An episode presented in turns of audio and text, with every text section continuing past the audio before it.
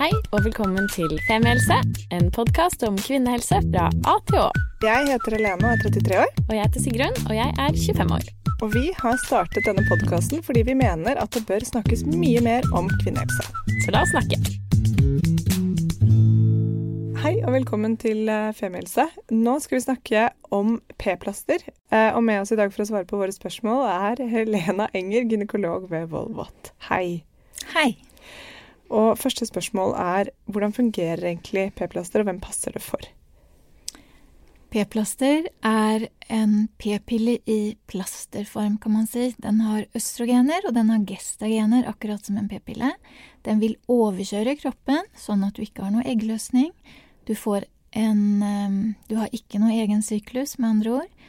Eh, og, og den vil lage menstruasjon når man tar av plasteret. Man tar ett plaster per uke, og det betyr at man tar Om man skal ha en vanlig 28 dagers syklus eller menstruasjon en gang i måneden, så tar man da plaster tre etter hverandre, én uke av gangen. Og så kommer det én uke uten plaster, og det er den uken man får juksemensen, eller avbruddsblødningen. Um, og så, når uken er over, så setter man på et nytt plaster da man er i en ny syklus. Eh, man kan på p-plaster, akkurat som en p-pille, hoppe over menstruasjonen. Og da, man, da, hopper man rett og slett over den uken uten plaster. Det som lønner seg både på p-pille og på eh, p-plaster, det er å krympe mensen litt før man begynner å bruke den som vi kaller da long cycle, at man lager Altså man hopper over menstruasjonen. For det er lettere å hoppe over menstruasjonen eller avbruddsblødningen når den er litt krympet i utgangspunktet. Og ved å krympe så mener du da å ha noen juksemenstruasjoner? Ha noen juksemens først. Ikke begynne å hoppe over med en gang. Helt riktig. Hvor setter man plasteret? Eh, plasteret eh, kan man sette på armen, eh, på rumpa, nederst på maven. Plasteret skal ikke sitte i nærheten av brystene. Okay. Ellers så er det litt informasjon i pakken om hvor man kan sette det. Og det er lurt å ha den på en plass med god gjennomblødning. Mm, så om man setter på rumpa, så er det lurt å sette på en plass der man ikke er veldig kald. Om man kommer ut og det er kaldt ute, og man kjenner at man er veldig kald på rumpa, så bør plasteret sitte på, på, en plass som ikke er så, så Heller på ryggen, da. Mm. Kanskje heller ryggen. Jeg pleier å si jeg er kald om magen, men jeg fryser ikke. men det, det, okay, det, jeg tenker er at når du da setter på dette nye plasteret, så virker så Min logikk er at det er mer hormoner i begynnelsen, og så blir det mindre og mindre når det går sånn tomt for hormoner. Eller er det ikke sånn? Eh, alle eh, hormonpreparater det man må jobbe med når man lager på måten ut prevensjon, det er jo at hormonene slippes veldig jevnt. Og på p-plasteret så er det også sånn at det kommer en jevn dose hver eneste dag i fem dager. Det er bare at Unnskyld, i syv dager. Mm. Eh, det er bare at man har ikke lagt inn noe mer dose enn for syv dager. Så det er ikke mindre hormoner på syvende dagen enn på første. Okay. Det er det ikke, for den må, den må eh, gi fra seg hormonene veldig jevnt, ellers så funker det dårlig. Ja. Så Du sa at det er eh, som p-piller. Eh, så det betyr også at det kan ha de samme bivirkningene som p-piller? Det er riktig. Ja. Og vi har vært inne på det før. Eh, en av de andre episodene, at det er gestagenene som ofte lager mest eh, bivirkninger. Mm.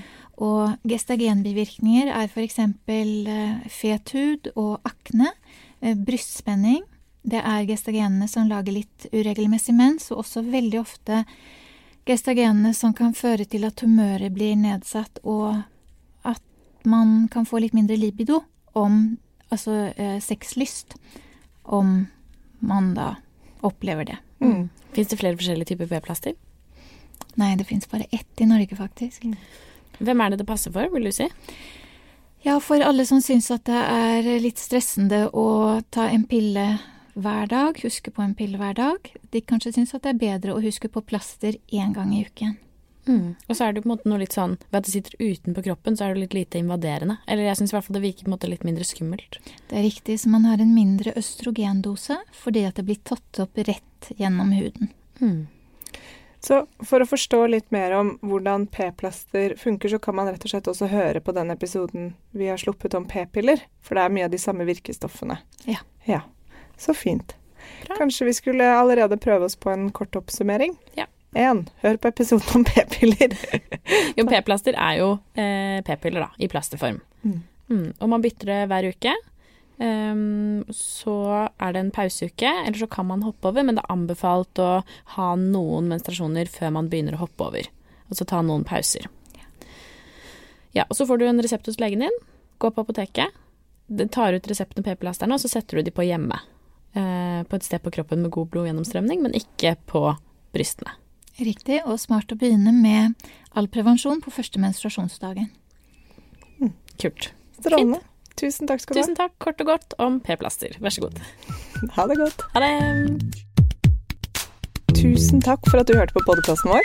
Selv om det forhåpentligvis kommer tydelig frem, så vil vi understreke at vi ikke er helsepersonell. Ja, så som vanlig, kontakt legen din om du har noen spørsmål, eller om du skal begynne på noen form for behandling. Og har du et tema som du har lyst til at vi skal snakke om, eller noe ris eller ros, så send oss gjerne en melding på Facebook eller på Instagram. Der finner du oss under Femihelse. Mm. Og du kan gjerne rate oss på iTunes, det er skikkelig hyggelig for oss. Ha en fin dag! Ha en kjempefin dag.